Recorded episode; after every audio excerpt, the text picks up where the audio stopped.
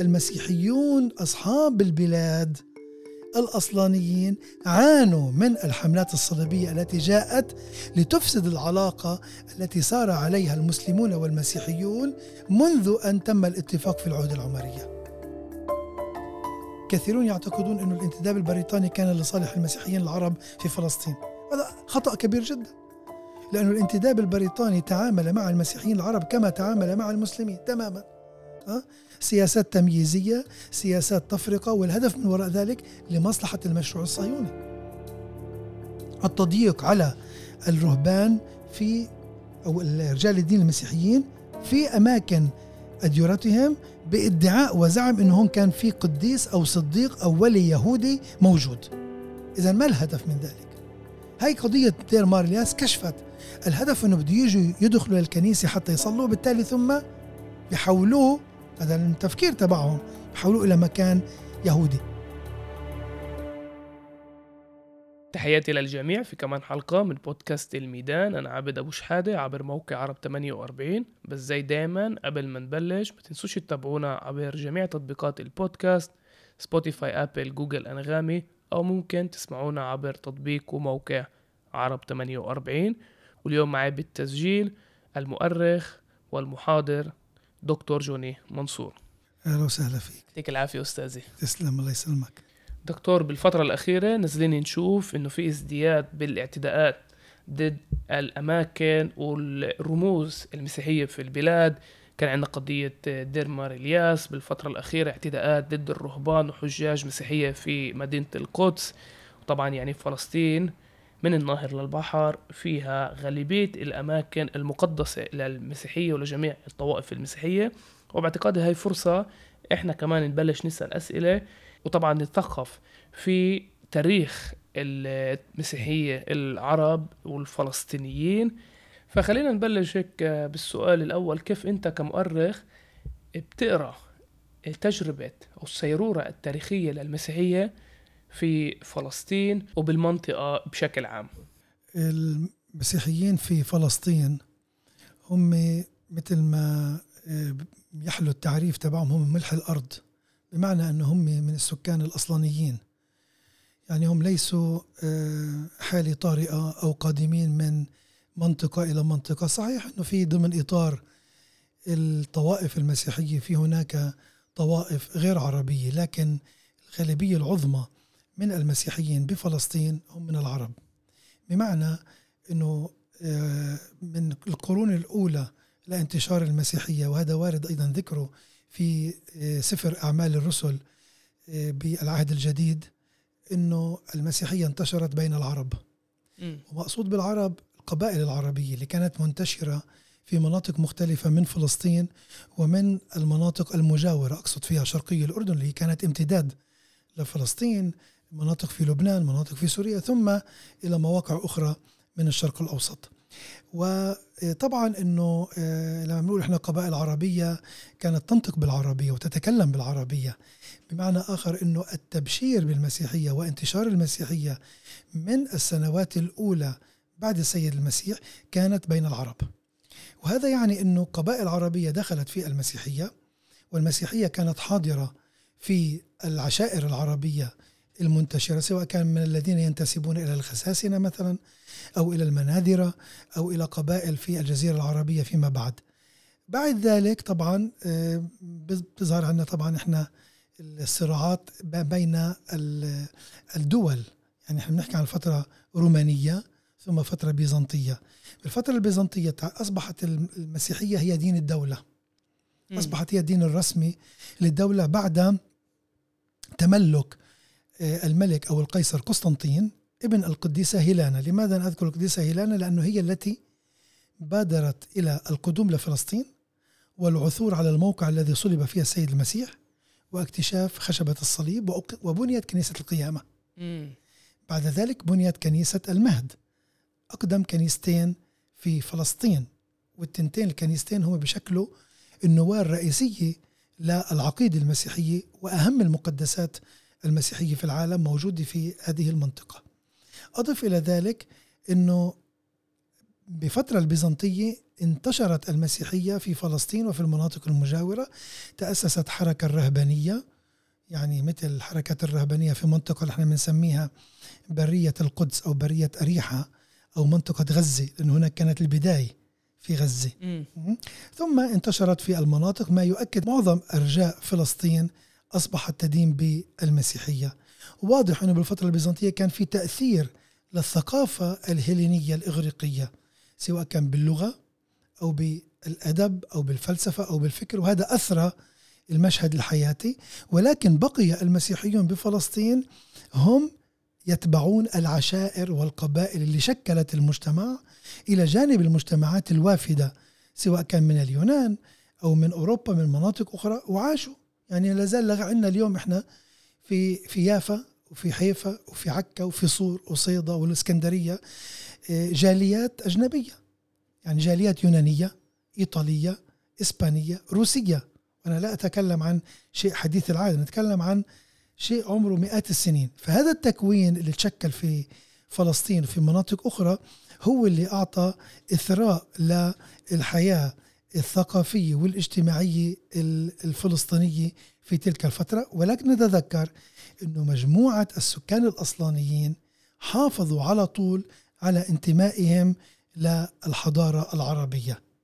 ومش بالصدفة أنه الكنائس لليوم طلعت على كل الكنائس اللي موجودة في فلسطين بغالبيتها العظمى تصلي بالعربية. يعني أصبحت اللغة العربية لغة مقدسة كما أن اللغة العربية لغة القرآن الكريم. وهي لغة مقدسة في الإسلام اللغة, اللغة العربية حاضرة في الطقوس والشعائر الدينية المسيحية لدى معظم الطوائف. صحيح بعض الطوائف ما زالت تردد بعض الأناشيد أو الترانيم باليونانية أو بالسريانية أو بالقبطية وإلى آخره.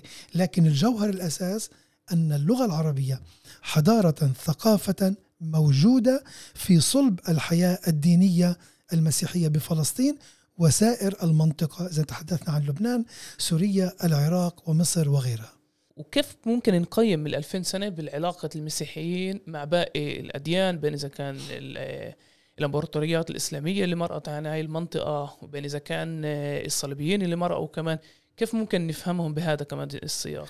واضح إنه عبر الزمن كان في محطات ومفاصل تاريخية كان في لها تأثير. لكن بدون أدنى شك إنه في هناك شيء ناظم لشبكه العلاقة بين من بقي على دينه من المواطنين أو كانوا يسمون الرعايا من المسيحيين واليهود. والدولة الإسلامية احترمت بقاء هؤلاء على ديانتهم ولم تلزمهم بالانتقال إلى الإسلام إلا طوعا من يرغب فليكن. وهناك هذا هذه المنظومة التي تعرف باسم العهدة العمرية. العهدة العمرية هي عبارة عن دستور لمنظومة العلاقات بين الدولة الإسلامية وهي الدولة التي كانت سائدة لفترة زمنية طويلة في هذه المنطقة وبين أتباع الأديان والملل الأخرى خصوصا من اليهود والمسيحيين. بمعنى أن العهدة العمرية تضمن الأمن والأمان لهؤلاء كبشر وأيضا الأمن والأمان والحفاظ على المقدسات. وأعني بالمقدسات الكنس والكنائس والبيع والأديرة والصوامع وكل ما له علاقة بالمواقع الدينية. واستمر هذا الأمر موجود في الإسلام لفترة زمنية طويلة إلا في بعض فترات بعض الخلفاء. حصلت إشكالات أنا أقول هنا على سبيل المثال في فترة الحاكم بأمر الله الفاطمي في مصر. حيث أنه وقد نقول عنه يعني بين مزدوجين أنه كان مصابا بمس من الجنون نوعا ما علما أنه هذا نحن لا نتعامل معه رسميا لكن هذا كان موجود. أمر بهدم كنيسة القيامة وأمر بألا يقيم المسيحيون في مصر الصلاة إلى آخره من الأوامر المقيدة. ولكن عدا عن ذلك الفترات الإسلامية بمعظمها كان هناك في نوع من الاحترام نوع من الحفاظ على خصوصية أتباع الأديان الأخرى. أما الفترة الصليبية وأنا أعتقد أن هذه فترة دموية لأنه يجب أن نميز بين المسيحيين الذين قدموا من أوروبا والذين يطلق عليهم الفرنجة أو يطلق عليهم الصليبيين لأنهم اتخذوا شعار الصليب جاءوا إلى فلسطين وإلى منطقة الشرق الأوسط ليس لهدف ديني فقط. يعني الهدف الديني كان هو الإعلان الأول لإنقاذ القبر المقدس من أيدي المجرمين المسلمين. مم. يعني هذا كان الإدعاء. لكن تبين فيما بعد أنه هدف هذه الحملات الصليبية أو الحروب الصليبية كما يسميها البعض هو اقتصادي. للسيطرة على مواقع كثيرة من المنطقة من موانئ من آه، قطاعات تجارية من إنتاج. يعني على سبيل المثال وهم يحتربون يعني الصليبيين والمسلمين كانت تتم صفقات اقتصادية بينهم. بيع السكر ها بيع الأقمشة بيع السيوف بيع الأواني المنزلية والأواني الفخارية. يعني كان في حركة تجارة في ظل الحروب. يعني تبين لنا هذه المحطات والفواصل التاريخية والمفاصل التاريخية أنه المسيحيون أصحاب البلاد الأصلانيين عانوا من الحملات الصليبية التي جاءت لتفسد العلاقة التي سار عليها المسلمون والمسيحيون منذ أن تم الاتفاق في العهد العمرية. كان في تمييز عنصري بين ال- المسيحيين اللي إجوا من أوروبا للمسيحية اللي كانوا موجودين هين بالبلاد. واضح أنه الحملات الصليبية كما قلت لك يعني تركت أثر سلبي.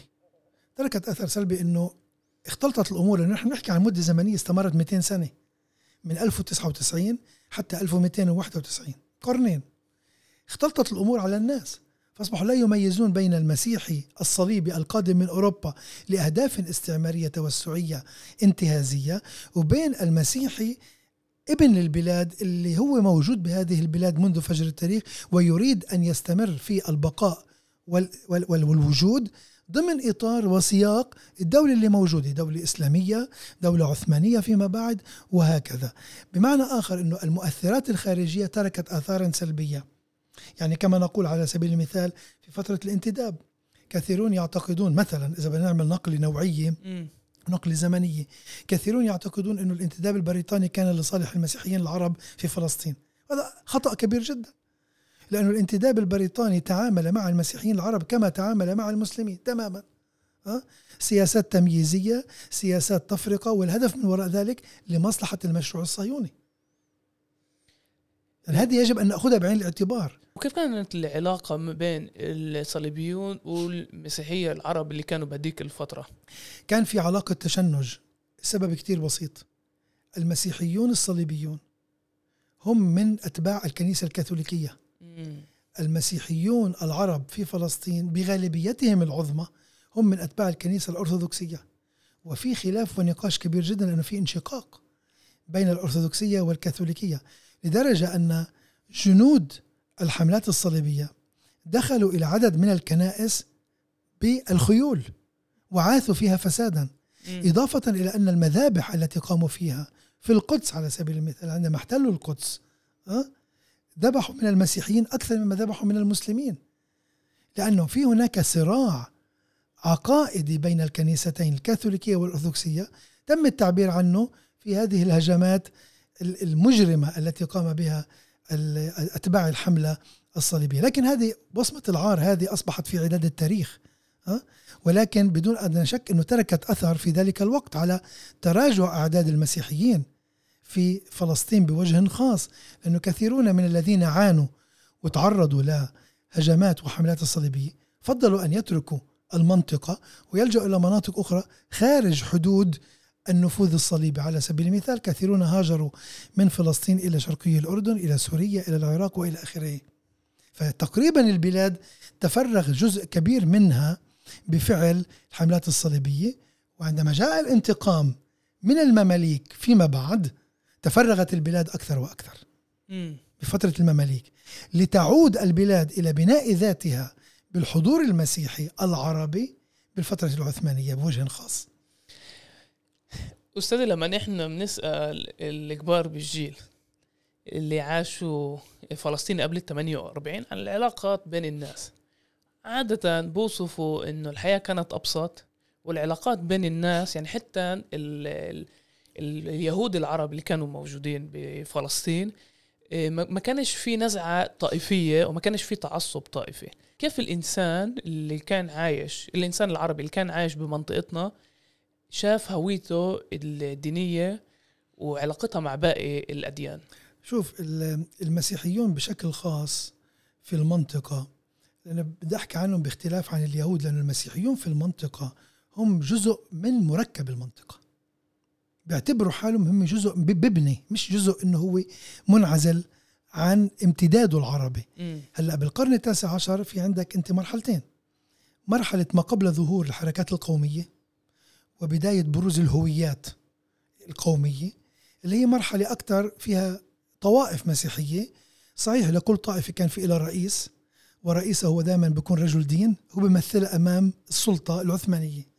مع التحولات اللي حصلت بالنصف الثاني من القرن التاسع عشر خصوصا بعد الإصلاحات التي تعرف باسم التنظيمات بالفترة العثمانية إعطاء مساحة من الحرية أوسع لأتباع الديانات الأخرى خاصة من المسيحيين واليهود والأرمن.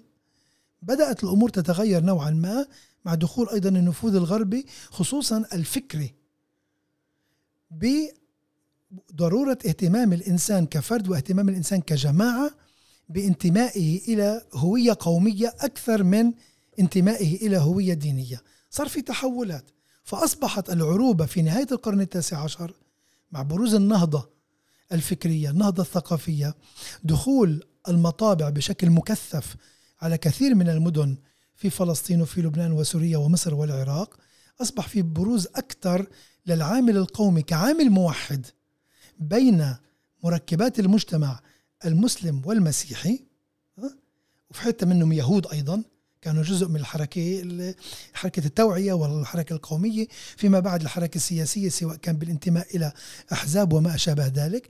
هذا عمل تحويل من فكرة الانكماش والانغلاق على الطائفة إلى أن تكون جزءا لا يتجزأ من هوية شعب. يعني هذا بس هذا كان كتير متأخر بأواخر القرن التاسع عشر ومطلع القرن العشرين. لكن إذا بتأخذ أنت على مستوى الحياة الاجتماعية الثقافية حتى الاقتصادية كان في هناك تبادلية بالحياة الاقتصادية. التجار موجودين بالمدن المزارعين موجودين بالقرى وفي حركة تجارة بيناتهم بين بعضهم. في تجار بالمدن وفي تجار أيضا خارج الدولة العثمانية وفي تبادلية للتجارة. فالتجارة كان عنصر هام جدا لتقريب الناس من بعضهم البعض ونقل الكثير من المكونات والمركبات الحضارية والثقافية وما أشبه ذلك. من جهة أخرى كل طائفة كان عندها نظامها الخاص العيش مع في داخله لكن في شيء بوحد يعني الطوائف مثلا روم كاثوليك روم أرثوذكس موارن لكن في عادات وتقاليد مشابهة لعادات وتقاليد المسلمين. يعني في الحياة الاجتماعية صعب إنك تفصلها أنت إنه هاي المجموعة في عندها كل شيء خاص فيها وفقط فيها. لا. يعني يعني مزبوط إنه يمكن عند اليهود أكثر بفعل التأثير الديني لكل موضوع الحلال عند اليهود والفصل بين المآكل والمشارب وإلى آخره. لكن عند المسيحيين والمسلمين في كثير ما يوحد يكفي أنه يكون في عندك عنصر أساس هو اللغة. يعني اللغة بدأت تشكل عنصر أساس. لما ظهرت النهضة وإعادة إحياء اللغة العربية وتبني المدارس هذه نقطة مهمة جدا. المدارس اللي تأسست بلبنان مثلا بسوريا ابتداء من حلب لدمشق بيروت القدس القاهرة بغداد بدأت تهتم باللغة العربية. والاهتمام باللغة العربية كان على يد المدارس التبشيرية بالأساس المسيحية ثم على يد المدارس الأهلية الوطنية في تلك المناطق. كل هاي العوامل إذا أنت بتاخدها الاقتصادي الاجتماعي الثقافي التعليمي شكلت منظومة موحدة لمجتمع متعدد الأديان ومتعدد الطوائف لكن في إطار يعني بيوحد بيناتهم اللغة الثقافة العادات التقاليد وإن كان في تأثير للدين أحيانا على بعض العادات والتقاليد لكن في كثير من المشترك اللي بيقرب وبوحد وهذا كان عنصر مهم جدا في تشكيل القاعدة الانتمائية القومية في بناء الهوية سواء كان هوية الفرد كفرد بيعبر عن نفسه بقول أنا عربي ولكني أنا بديانتي مسيحي بطائفتي أرثوذكسي. في في هذا هاي التعريفات اللي ما زالت قائمة لغاية اليوم. يعني ما بتقدر تفصلها أنت عن سياقها التاريخي كمان. صحيح بعتقد كمان إحنا كبني آدمين في عد عندنا بنفس الوقت عدة هويات صحيح. يعني كجزء صحيح. من مجتمع مدني أو كجزء مجتمع من متعدد متعدد صحيح أنا بدي أخرج شوي عن النص وبما إنك ذكرته وهذا يعني ما كنتش مخطط نحكي عن هاي المجموعة ولكن جدا مثيرة كيف يعني وكيف ذكرتها خلال الحديث عن الأرمن أنا كنت أعتقد إنه الأرمن تواجدوا في فلسطين بعد الحرب العالمية الأولى ولكن اتضح لي يعني بمراحل أكثر متقدمه وللأسف الشديد بحكيها من قلة المعرفة عن هاي المجموعة. إيه لا إلهم جذور تاريخية من مئات السنين. إمتى بتيجي المجموعات الأرمنية المسيحية الأرثوذكسية على البلاد وبتتشرش فيها؟ يعني خلينا نسميها المصادر التاريخية بتفيدنا إنه الجماعات الأرمنية اللي موجودة بجبال أرمينيا شرقية تركيا اليوم يعني مم. دخلت في المسيحية من القرون الأولى. مم. وأسست كنائس وأديرة. والأمر الثاني جماعات من الارمن عبر الأزمان المختلفة من القرون الأولى أنا بحكي من القرن الثالث والرابع ها بدأت تصل إلى فلسطين كحجاج. بدأت تصل إلى فلسطين كحجاج.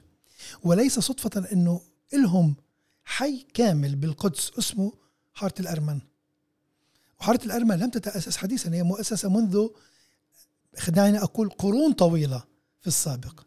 لكن ما يميز الارمن عبر الأزمان إنه صار في هجرات مثل كل الشعوب في المنطقة. قسم كبير منهم هاجر مثلا واستقر بحلب. بحلب بشكل الارمن الربع يعني 25% مم. لكن هم بشكلوا أكثر من 60% من الاقتصاد.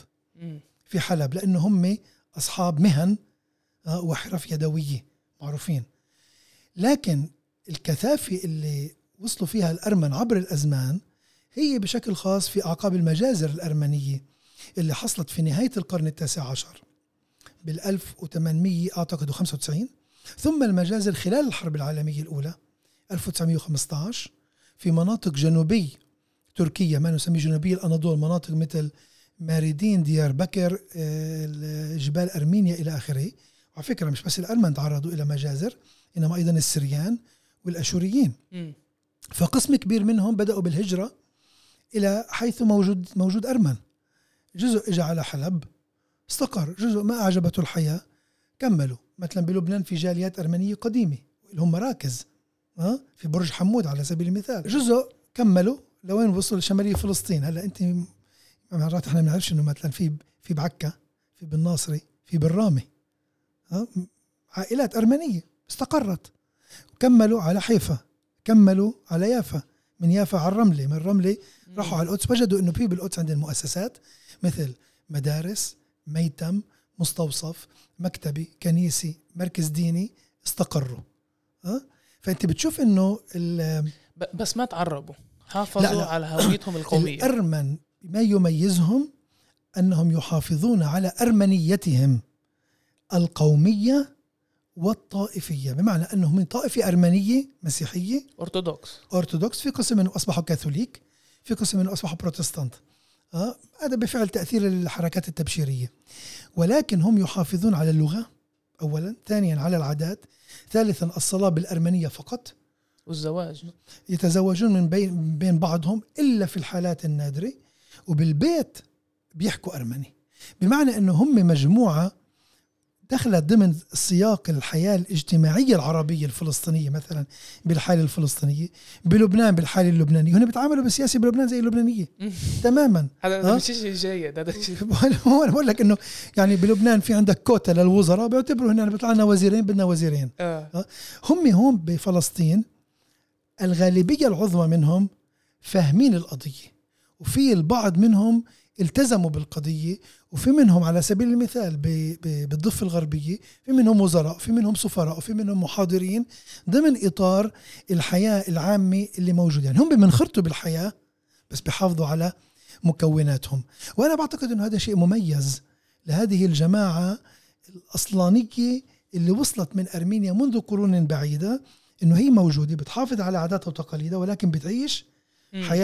المجتمع القائم وأي مجتمع قريب عليها هو المجتمع الفلسطيني لأنه في بالمجتمع الفلسطيني مسيحيين عرب وهدول قريبين عليهم أكثر من أي مجموعات أخرى. وكأنها حلقة وصل بين تماما.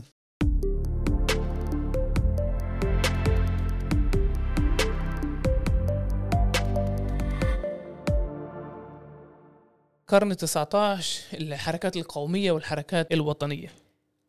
إيش الدور ال- المسيحية بتنظيم هاي ال- الحركات. بالقرن التاسع عشر بوجه خاص بدأ إحنا بنسميه عصر النهضة آه، الفكرية والثقافية. ولأنه المسيحيين العرب آه، انخرطوا منذ البداية بالمدارس اللي أسسوها آه، أسستها الأديرة والكنائس فانخرطوا فيها وتعلموا فيها. والأمر الثاني أنه غير المؤسسات التعليمية بدأت تتأسس أيضا صحافة.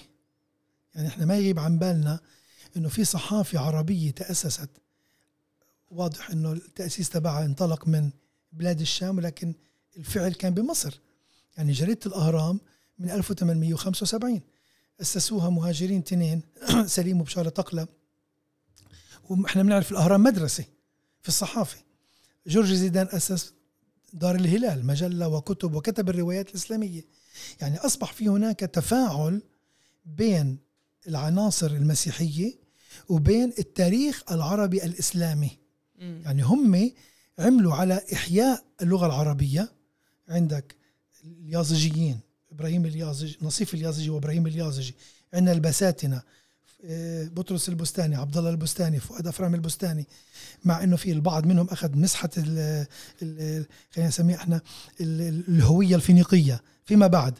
لكن احيوا اللغة العربية من جديد اللي كانت بديش أقول لك يعني أنا شبه مختفية شبه يعني غائبة نتيجة للتأثير العثماني.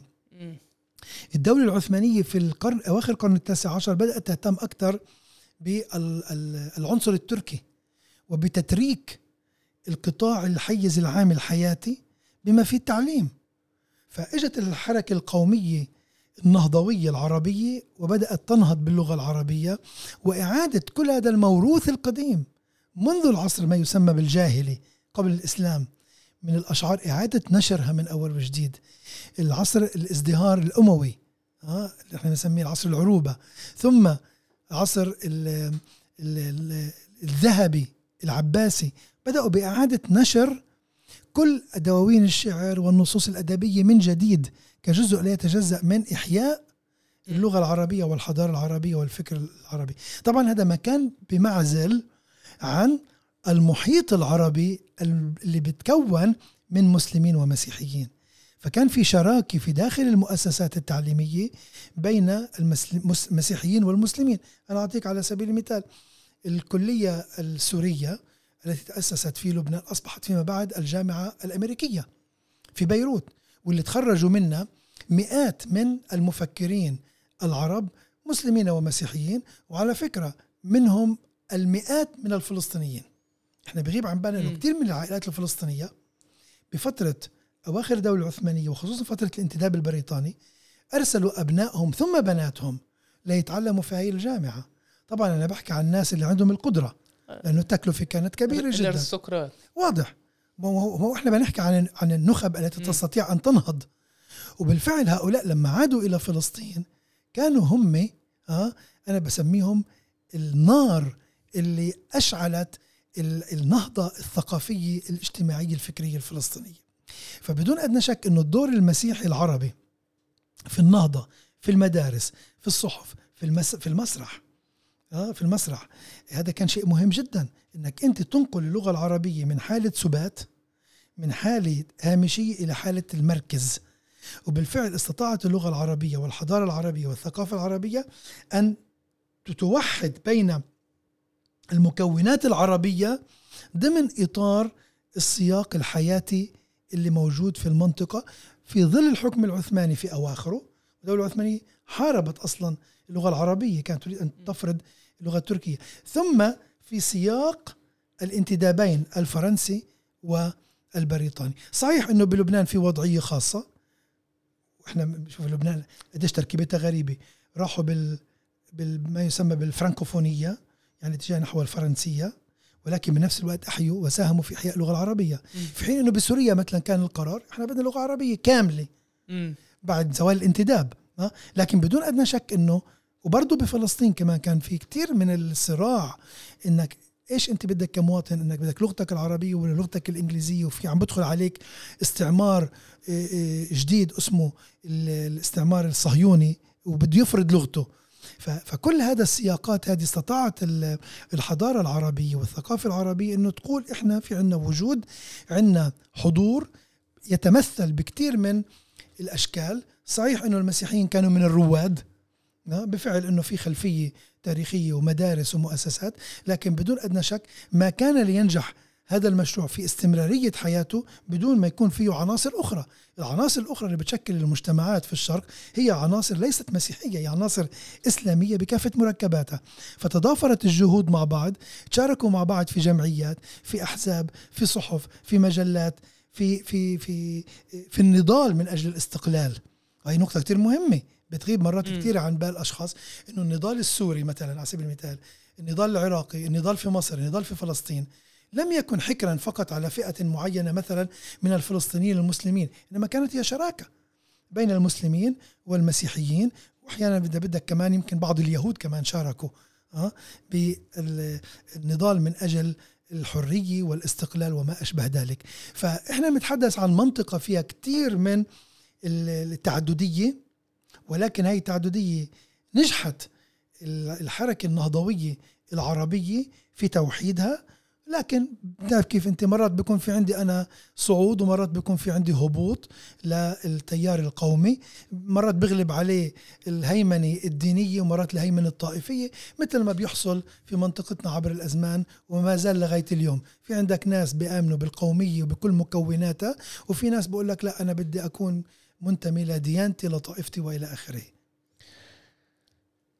دكتور بعد التمن... خلال 48 وبعد ال 48 ب- باعتقادي وهي فرضية لعند 1975 ال- العلاقة ما بين الفلسطينيين المسيحية والفلسطينيين المسلمين كانت جيدة.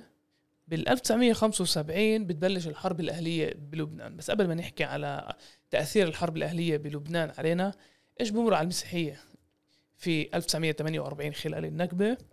والمرحلة ما بين 48 لل 75 أم، أحداث النكبة عام 48 لم تميز مطلقا بين المسيحيين والمسلمين. مثل ما حصل للقرى الفلسطينية الإسلامية مثلا حصل لقرى مسيحية. في قرى مسيحية تم تدميرها كاملا. عندك إقرث كفر برعم المنصورة قرى كاملة.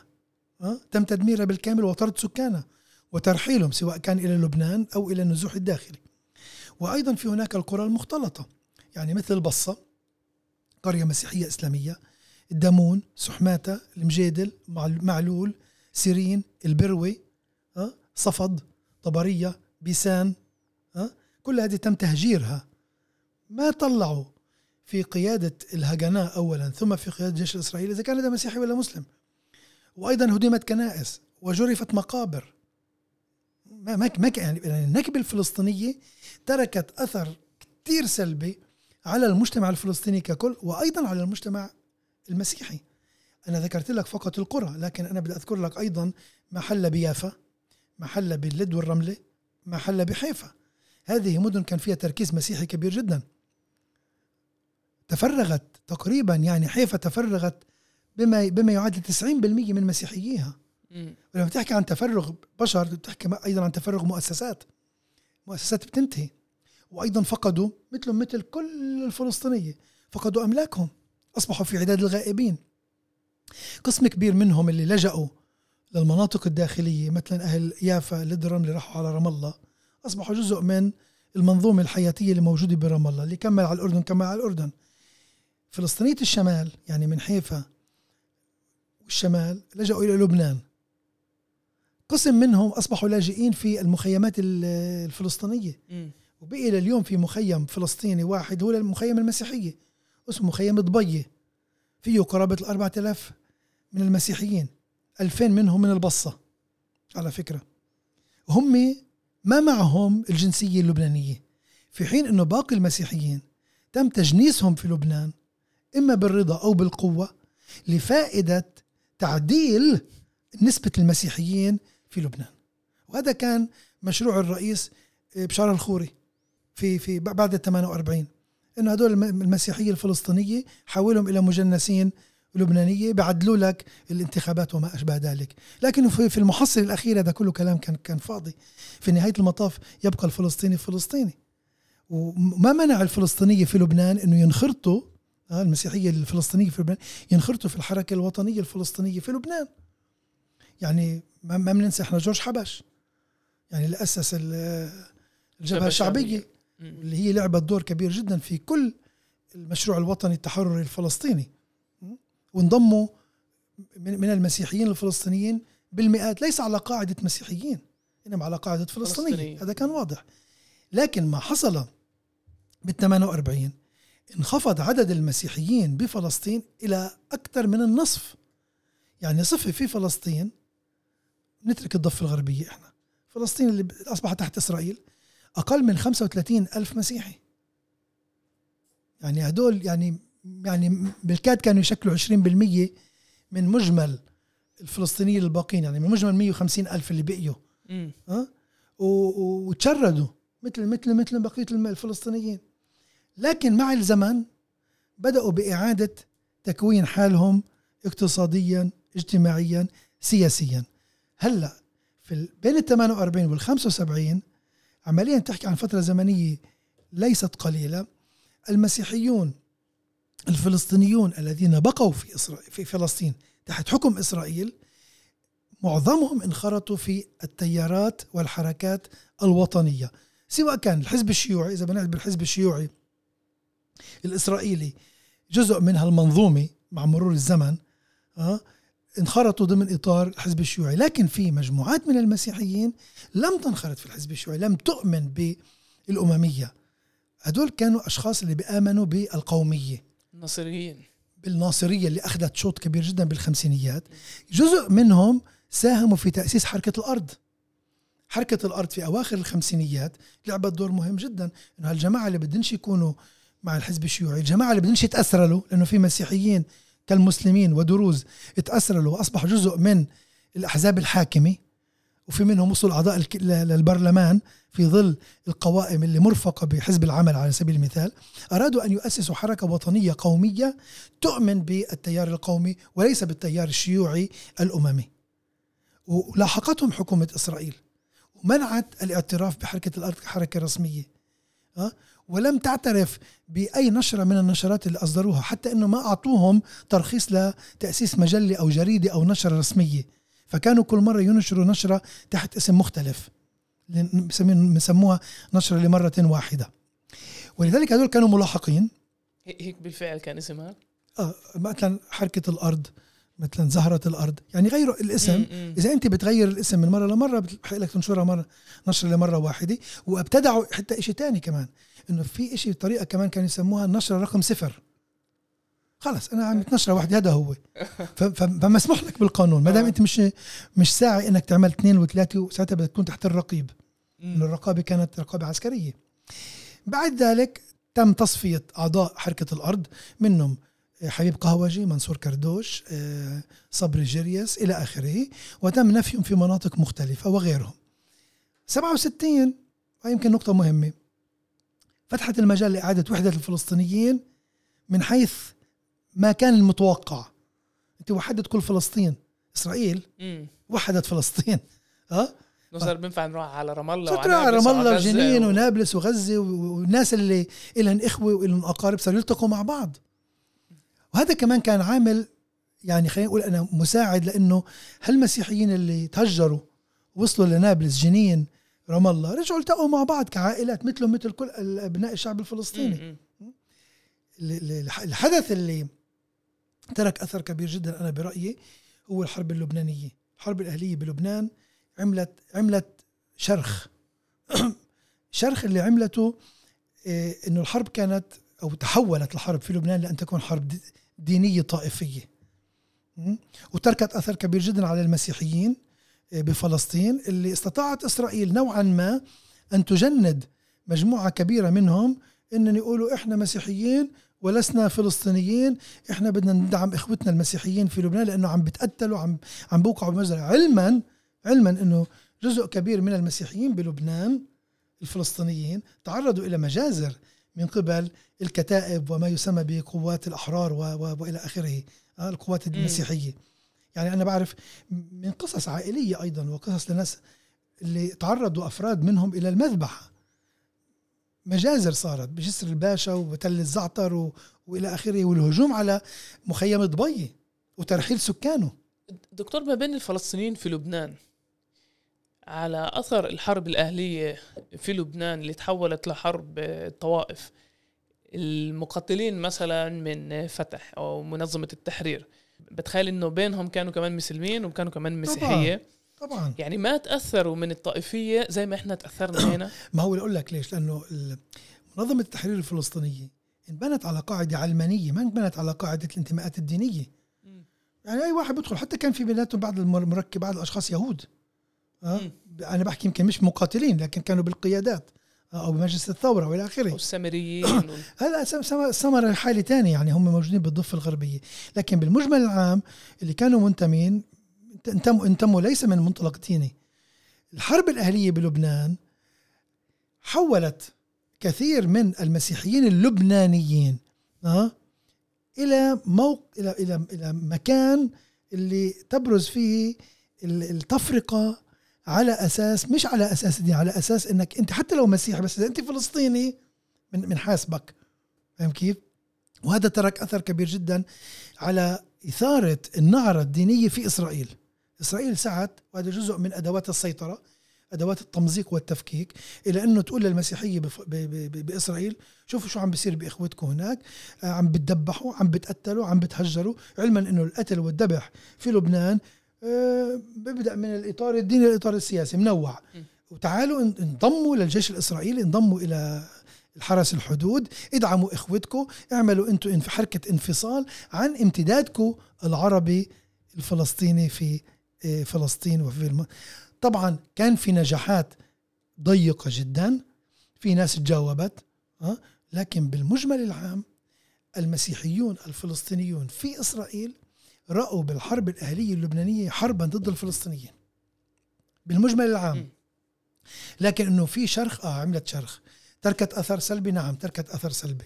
لكن أنا باعتقادي كان في فشل موضعي بمعنى محلي فلسطيني في معالجة. هلأ متى بصير عندك أنت عندك حالة مرضية بتشخصها بتعالجها. هلأ عندك حالة مرضية سياسية بالنسبة للمسيحيين الفلسطينيين آه في شيء انضرب بهويتهن. وأنا مش عم بحكي عن الكل. أنا بدي أحكي عن شرائح مختلفة. اللي بلش يشعر إنه شو هالحرب اللي عم تكون هناك؟ حرب إسلام مسيحية دروز سو- سوريا إيه إلى آخره. صار يشعر إنه هن مهددين. انتهت الحرب بلبنان. ها؟ طب من المفروض وهي يمكن أنا بوجه نقد هون يعني للقيادات السياسية عالج مش تخبي على جنب. كيف تعالج؟ هذا كان سؤال مهم جدا. إنك تعيد بناء الحركة الوطنية مبنية على إعادة بناء الشعور بالانتماء والأمان الداخلي.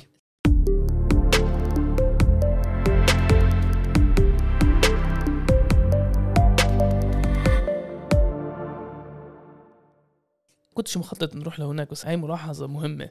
يعني إحنا بنعرف إنه في طائفية موجودة بمجتمعنا بس اللي اللي بفهمه من اللي أنت بتحكيه إنه لليوم ما بنعالج أو ما بنحاول نعالج هاي الطائفية ومن يعني بس عشان أفهم الفكرة هل إحنا بنتجاهلها على أمل إنها تروح ولا مش عارفين نشخصها صح؟ لا في تجاهل.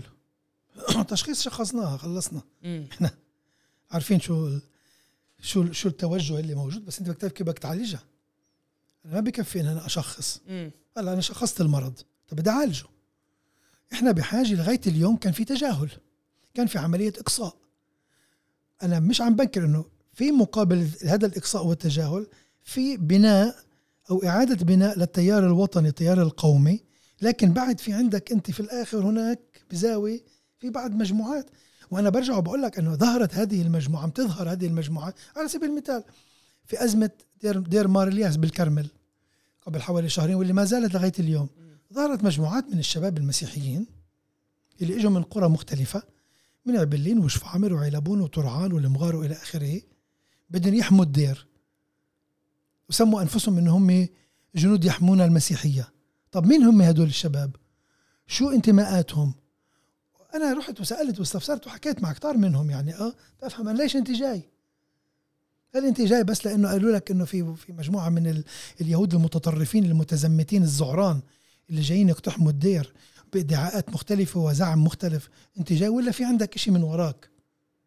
وين؟ كيف ممكن إحنا مش نحتوي؟ نفهم هاي الظاهرة ونشوف ليش بهذه الحالة هم بثوروا وبيجوا بيدافعوا عن الدير وبحالات تانية اللي فيها تمييز عنصري آه؟ تمييز واضح بسياسات حكومة إسرائيل بنلاقي إنه الاشتراك تبعهم أقل وأضعف. ففي عندنا كتير من الأمور أنا باعتقادي إنه عم تنحط على جنب وبنقول للعرباي خليك مكملة. ما امشي امشي.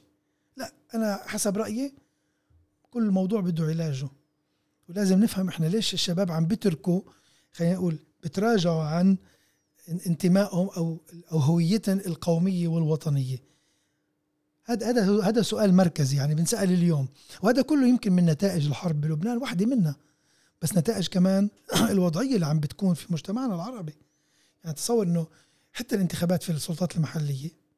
آه، هي مبنية غير على العائلية أيضا على الطائفية. مم. طب هذا التحول ما كانش ولا مرة. أنا بعطيك على سبيل المثال قرية سحماتة قبل 48 كان فيها 1050 مواطن 50 مسيحي و1000 مسلم. بس مختار البلد كان مسيحي. ما حدا كان يسأل ليش. خلص كلمته كلمة. مم. هو اللي بدير البلد. فما ما كان هذا التوجه. كان كان العلاقات مبنية على علاقات اجتماعية كتير كتير متقاربة اللي هي مصلحة البلد. اليوم عندنا بنشوف أنت اليوم إنه يعني على سبيل المثال إذا بنزل مثلا رئيس مسلم على بلد طب طب هي إحنا في فرنسا بباريس رئيس البلدية يهودي. بنيويورك رئيس البلدية يهودي. وهم لا يساوون 5% هل إحنا بدنا نمشي حسب النسبة المئوية؟ ولا بدنا نمشي حسب مين الأفضل؟ طبعا العائلية بتلعب دور الطائفية القطاعية الاقتصاد الم- المال إلى آخره. كل هاي عناصر بتجعل من الشباب المسيحي يوقف على جنب. وبدون ادنى شك كمان لازم يعني بالذات ما بعد الثورة آه، في إيران وظهور الخطاب الطائفي ما بين ال- العرب ومش بس بين العرب كمان ما بين المسلمين وكل اللي صار بين السنة والشيعة طبعا هذا. بنحكي بنحكي على الإطار الإقليمي. الإقليمي آه. إيه، ولا بد كمان بيأثر علينا ومع. وفكريا كمان اتطورت آه، أحزاب سياسية اللي بتعتمد على هاي الأفكار بلبنان وبفلسطين وفي مصر إيه، بس بدي نحكي على ال- على الأحداث الأخيرة اللي بتصير في المدن الفلسطينية التاريخية في حيفا بدير مار إلياس في طبرية في القدس آه، والاعتداء ضد الكنوس المسيحية والحجاج إيه، من سنتين إذا مش غلطان بين سن... بين- من ثلاث سنين. إحنا صرنا نشوف كمان تضييقات في سبت النور ضد الحجاج المسيحية العرب وغير العرب طبعا. إيه، بالسنين الأخيرة كمان أكثر وأكثر عنصريين زعران يهود بتحاول تعتدي على الكنس اعتداءات جسدية يعني تفوت على الكنيسة وتحاول آه، تزرع دمار. إيش إيش صار بالفترة الأخيرة؟ ولا هي كانت موجودة دائما بس الإعلام ما كانش يغطيها كيف ما بيغطيها اليوم طلع أنا بشوف إنه الخطاب الديني اليهودي اللي إحنا مش عم نراقبه امم إحنا ما- بنراقب شو بيحكي الرابي في معهده بس عشان أوضح أه. يعني أنا بحكي يعني إحنا بنحكي على مش مش اعتداء آه، سياسي تقليدي ضد الفلسطينيين لا. لا, في إشي معتمد ضد لا. المسيحية كمسيحية كديانة من طرف اليهود. ما هو أنت بدك تشوف يعني هلأ هم بيراقبوا الخطاب الديني الإسلامي. يعني كل يوم جمعة في في مين يراقب؟ آه. ال- الخط... كل خطيب بكل بلد وبيحاسبوه صحيح. هل إحنا عم قدرنا نراقب مرة شو بقول رجل الدين اليهودي في معهده الديني أو في كنيسه؟ في خطاب كراهية. آخذ بالانتشار بالسنوات الأخيرة. وأنا بقول بالسنوات الأخيرة آخر 10 ل 15 سنة. نتيجة للتزمت الديني أيضا في المجتمع اليهودي. ها؟ هلا انت العالم بفكروا المجتمع اليهودي هو المجتمع العلماني المنفتح اللي عايش بتل أبيب. لكن هم غلطانين. في عندنا مجتمعات يهودية منغلقة متمسكة بأصولها الدينية المتشددة اللي هو لا يقبل الآخر. وإذا بده يقبل الآخر بيقبله بشروط. يضع له شروط ها؟ وشروط تعجيزية وتركيع وإلى آخره. ففي خطاب ديني خطاب كراهية. ما في خطاب منفتح وخطاب تسامحي. في رجال دين يهود منفتحين تقدميين آه اللي في عندهم خطاب منفتح. أنا أنا بعرف عدد منهم يعني آه. لكن هدول قلة أمام ما ينتشر منذ 10 ل 15 سنة. خطاب الكراهية خطاب البغض خطاب التحريضي على ال- العرب وبشكل خاص على المسيحيين لأنه بيعتبروا إنه المسيحية جاءت قبل ألفي سنة وأوقفت انتشار اليهودية في العالم. هذه نقطة يجب أن نفهمها أنه في هناك في داخل هذه العناصر الدينية كراهية تاريخية تعود لألفي سنة باتهام المسيحيين بأنه هن كانوا السبب في عدم انتشار اليهودية في العالم والتضييق على اليهودية ببدعة سموها البدعة المسيح أو المسيحية. ولذلك بحرضوا على هذا الموضوع وهذا التحريض مش بلش بدير مار الياس الآن يعني.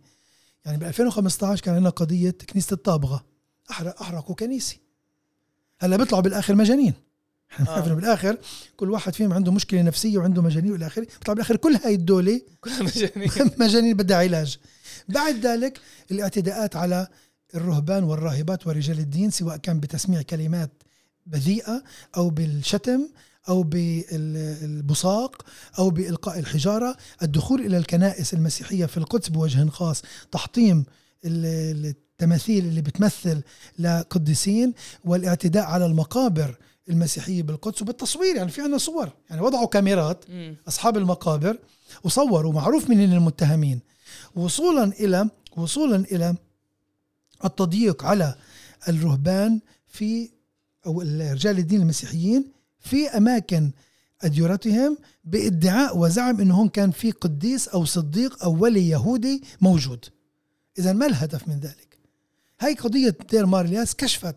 الهدف إنه بده يجوا يدخلوا للكنيسة حتى يصلوا بالتالي ثم بحولوه هذا التفكير تبعهم بحولوه إلى مكان يهودي. نفس الشيء تعاملوا مع المقامات الإسلامية. وأنا برضه بحيفا بدي أعطي مثال على ذلك. مقام الخضر في حيفا اللي هو كان مقدس للمسلمين ولكن المسلمين عبر الأزمان أتاحوا لليهود والمسيحيين بالدخول إليه. وكان معروف. لغاية ال 48 الكل بدخل لغاية كل واحد له زاويته شوف أنت هذا شيء مهم جدا. كل واحد يدخل صلي ما شئت. اليهودي المسيحي المسلم. بعد ال 48 وضعوا إيدهم على المكان وبدأوا تدريجيا يحولونه إلى مكان يهودي. فأصبح اليوم اسمه مغارة إلياهو. أعداد المسلمين اللي بيصل لهناك تكاد تكون أقل من 1% بطل مكان مم. نفس الشيء عمل في في يبنى في قرية يبنى اللي هي اليوم يفنى مستعمرة يفنى في مقام هناك مقام أبي هريرة. وأصبح بقدرة قادر مقام مقام أو قبر الربان جملئيل من القرن الأول أو الثاني المسيحي للميلاد. يعني أنت بتشوف إنه في سيطرة على المكان المقدس. عملية السيطرة على المكان المقدس هي جزء لا يتجزأ من عملية السيطرة على المكان والفضاء الفلسطيني. إن كان إسلاميا وإن كان مسيحيا. وهذا جزء لا يتجزأ من الفكر الاستعماري. الاستيطان الاستعماري شو بده؟ يمحي الموجود مش بس على ماديا إنما حتى باسمه. ويبني شيء جديد. الشيء الجديد هو الزعم مثل قضية دير مارلياس أنه كان هناك النبي أليشع. هلا النبي أليشع يمكن مر من غاد لكنه مدفون بالأردن. ما له علاقة. بالمكان. فاهم كيف؟ بس هم بيزعموا. وهذه جزء لا يتجزأ من فكر ديني يهيمن عليه فكر سياسي. يمكن يكون مبطن. دكتور قبل ما بلشنا التسجيل ذكرت لي المعلومة التاريخية بكل ما يتعلق في قبر آه، يوسف في نابلس. وإنه اتضح إنه الشخص المقبور هناك شخصية مهمة اسمها يوسف. يوسف الدويكات. يوسف هم الدكان هم أهل آه. نابلس والمنطقة بقولوا لك يعني الختيارية الك- القدامى بيعرفوا الموضوع بتذكروا مين هو الشخص يعني. هل- هلا السؤال هل في قيمة للمعطيات التاريخية والعلمية. يعني بغض النظر إيش الانتماءات السياسية. يعني بالآخر أنت رجل مهني جاي من من التعليم العالي من الاكاديميا هل هذا بيأثر على هذا النقاش ولا لا يوجد له لا مكان؟ شوف إنك أنت في شيء إحنا بنسميه صناعة التاريخ. هذا أنت بتحكيك هذا بتحكيه كمؤرخ. يعني أنت بتصنع مكان. ما هو المكان المقدس؟ أنت تصنعه. يعني هذا المكان اللي بنحكي عنه قبر يوسف. يعني هم اعتبروه الناس مكان مقدس وكانوا يروحوا له ويقدموا فيه نذور ويتمسحوا فيه ويتبركوا فيه وإلى آخره. لكن في نهاية المطاف رمزيته للمكان. يعني أنت صنعت مكان أصبح فيه له رمزية معينة. مم. رمزيته بتعني كثير للناس. لذلك الناس في عندها حساسية بالنسبة للأماكن المقدسة. يعني بغض النظر إنه بدون أدنى شك في أهمية للرمزية وفي له يعني في narrative build هنا. بس بيأثر على حياة بني آدمين. طبعا بيأثر لأنه بنهاية المطاف اختلط الديني بالسياسي. مم. لما بيخلط الديني بالسياسي الناس بصير في عندها ردود فعل للدفاع عن المكان حتى بسنتيمتر. والفلسطينية بالمنطقة نابلس هلأ إذا كان مقام النبي يوسف والمكان مقام يوسف بس الرمزية اللي فيه والصراع عليه بدفع الشباب الفلسطينية للدفاع عنه مم. وحمايته. ها يعني زي ما إحنا بنقول مثلا قضية دير مار الياس قضية دير مار الياس بنهايه المطاف مغارة يقال حسب التقليد القديم إنه النبي إيليا مار الياس كان يلجأ إليها هربا من أحاب وايزابيل اللي كانوا يعبدوا البعل من أيام الكنعانيين. وإجوا بعد ذلك الرهبان وبنوا عليه كنيسة ودير واصبح مكان مقدس. والناس بيعطوا قدسية للمكان. كيف إيه، ولذلك أنا بعتقد إنه المكان له أهمية بالنسبة لترجمه الفكر الديني أو الإيمان الديني خلينا صح صح. الإيمان الديني كيف أنت بتطبقه على المكان. فخذ على سبيل المثال مثلا ليش الناس مثلا بقول لك إنه إيه، بيروحوا بتبركوا بكنيسة القيامة؟ أو الناس بتروح على الأقصى للزيارة. ليش؟ ليش الناس بتحب تروح؟ لأنه بيعتقدوا بيآمنوا إنه هذا المكان بيحوي في داخله رمزية القدسية تبعت المكان فبرتبطوا فيه. وهذا هذا شيء إنساني يعني بدون أدنى شك. والصراع لما بتحول ديني سياسي سياسي ديني بتقوى عملية الارتباط بالمكان أكثر وأكثر. يمكن بفعل أنك أنت بدك تقاوم حتى تحافظ عليه. وهذا اللي عم بيصير. فعندك التيارات الدينية اليهودية المتزمتة المتشددة أه؟ واللي الآن عم تاخذ مساحة أوسع بفعل الحكومة العنصرية الموجودة الآن اللي بتتشكل من أربع أحزاب دينيه سواء كانت متطرفة أو غير متطرفة ولكن اغلبها متطرفة. أه؟ بكل قضية دير مارليس لم نسمع من أي حزب من هاي الأحزاب تصريح واحد يستنكر. أنت لاحظ؟ وزراء حكومة بدها تحكم. ما في عندهم استنكار ليش؟ لأنه هؤلاء مباركين. يعني هؤلاء المقتحمين مباركين من قبل قيادات هذه الأحزاب. وهذا وهذا هو الخطر إنه عدم وجود رادع بوسع دوائر المقتحمين المتشددين اللي بكرة بدهم يلحقوا على كل الكنائس ما بعرف كيف. هلأ صار قبل كمان كم من يوم أغلقوا الطريق إلى جبل الطور. كان في عيد جبل الطور أغلقوا الطريق أمام الناس بإدعاء إنه بصير في فوق خطر وعلى الأمن ومش عارف شو إلى آخره. كل ادعاءات اللي حتى الشرطة تتجاوب مع كل هذا التوجه. فأنا باعتقادي إنه لما بتحول الصراع إلى سياسي بتختلط الأمور ببعضها بيزداد التطرف الديني وبصير كل طرف بده يدافع عن حقه في هذا المكان. الخطورة إنه الزعم لهذه المجموعات الدينية أن يتحول فيما بعد إلى شيء شرعي. كيف؟ أنا قرأت بإحدى الصحف العبرية بقولوا أنه هاي المجموعة جاءت إلى هذا المكان لتقتحمه لأنه في نزاع عليه. ما معنى كلمة نزاع؟ كأنه في خلاف أنه كأنه في خلاف والآن فتحوا الملف.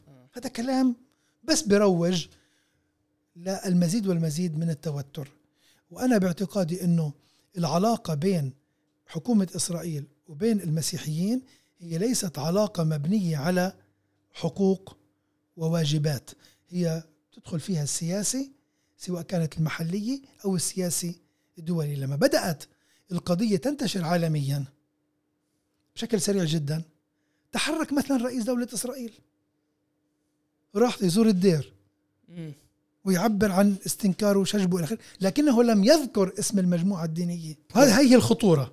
صحيح وباعتقادي هذا بدل على قناعات عقائدية ايديولوجية الموجودة عند جزء من القيادات الإسرائيلية اللي بسبب حسابات جيوسياسية بجوز بيحكوش عنها ولكن بالسياسات على أرض الواقع بيسمحوا لهاي المجموعات المتطرفة وجزء منها مش متطرفة جزء منها أصبحت جزء من المينستريم الإسرائيلي. المؤرخ والكاتب دكتور جوني منصور أول شيء شكرا على وقتك أستاذي. بحب ألخص الحلقة في شغلتين. أولا عن أهمية المؤرخ الفلسطيني اللي شغله الأكاديمي عمليا بيكون رد على ادعاءات الحالة الاستعمارية اللي بتحاول تخلق فساد بين الناس عشان تسيطر على سكان الأرض الأصليين. الشغلة الثانية على أهمية قراءة التاريخ كسيرورة ما بتنتهيش بسنة ولا سنتين. هاي السيرورة التاريخية بتمتد على مئات وآلاف السنين. يعطيك العافية دكتور وكمان دور. شكرا على وقتك. وهي كانت كمان حلقة من بودكاست الميدان وزي دايما قبل ما ننهي الحلقة بحب أذكركم تتابعونا عبر جميع تطبيقات البودكاست. سبوتيفاي أبل جوجل أنغامي أو ممكن تسمعونا عبر تطبيق وموقع عرب 48